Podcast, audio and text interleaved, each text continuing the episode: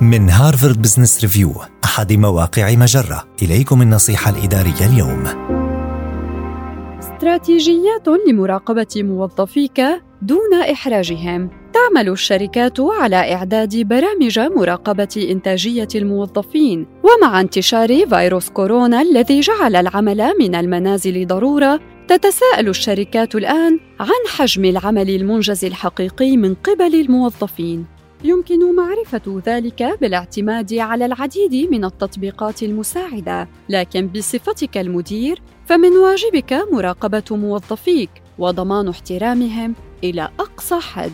أخبر موظفيك عما تراقبه وسبب مراقبتك له، وامنحهم الفرصة لتقديم الآراء التقويمية وأخبرهم بنتائج المراقبة. قدم لهم نظاماً يمكنهم من مراجعة القرارات التي اتخذت بخصوص وظائفهم بناء على البيانات التي جمعت.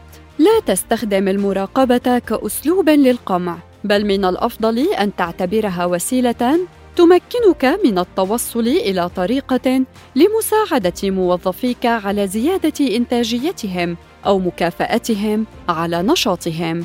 تقبل أن الموظفين الممتازين لن يكونوا قادرين دائما على العمل بصورة ممتازة طوال الوقت وخصوصا في الظروف الحالية مع عودة الموظفين إلى مكاتبهم واستمرار البعض بالعمل من منازلهم بحث عن الأماكن التي تسير الأمور فيها على نحو جيد وتوقف عن مراقبتها. هذه النصيحة من مقال كيف تراقب موظفيك مع احترام خصوصياتهم؟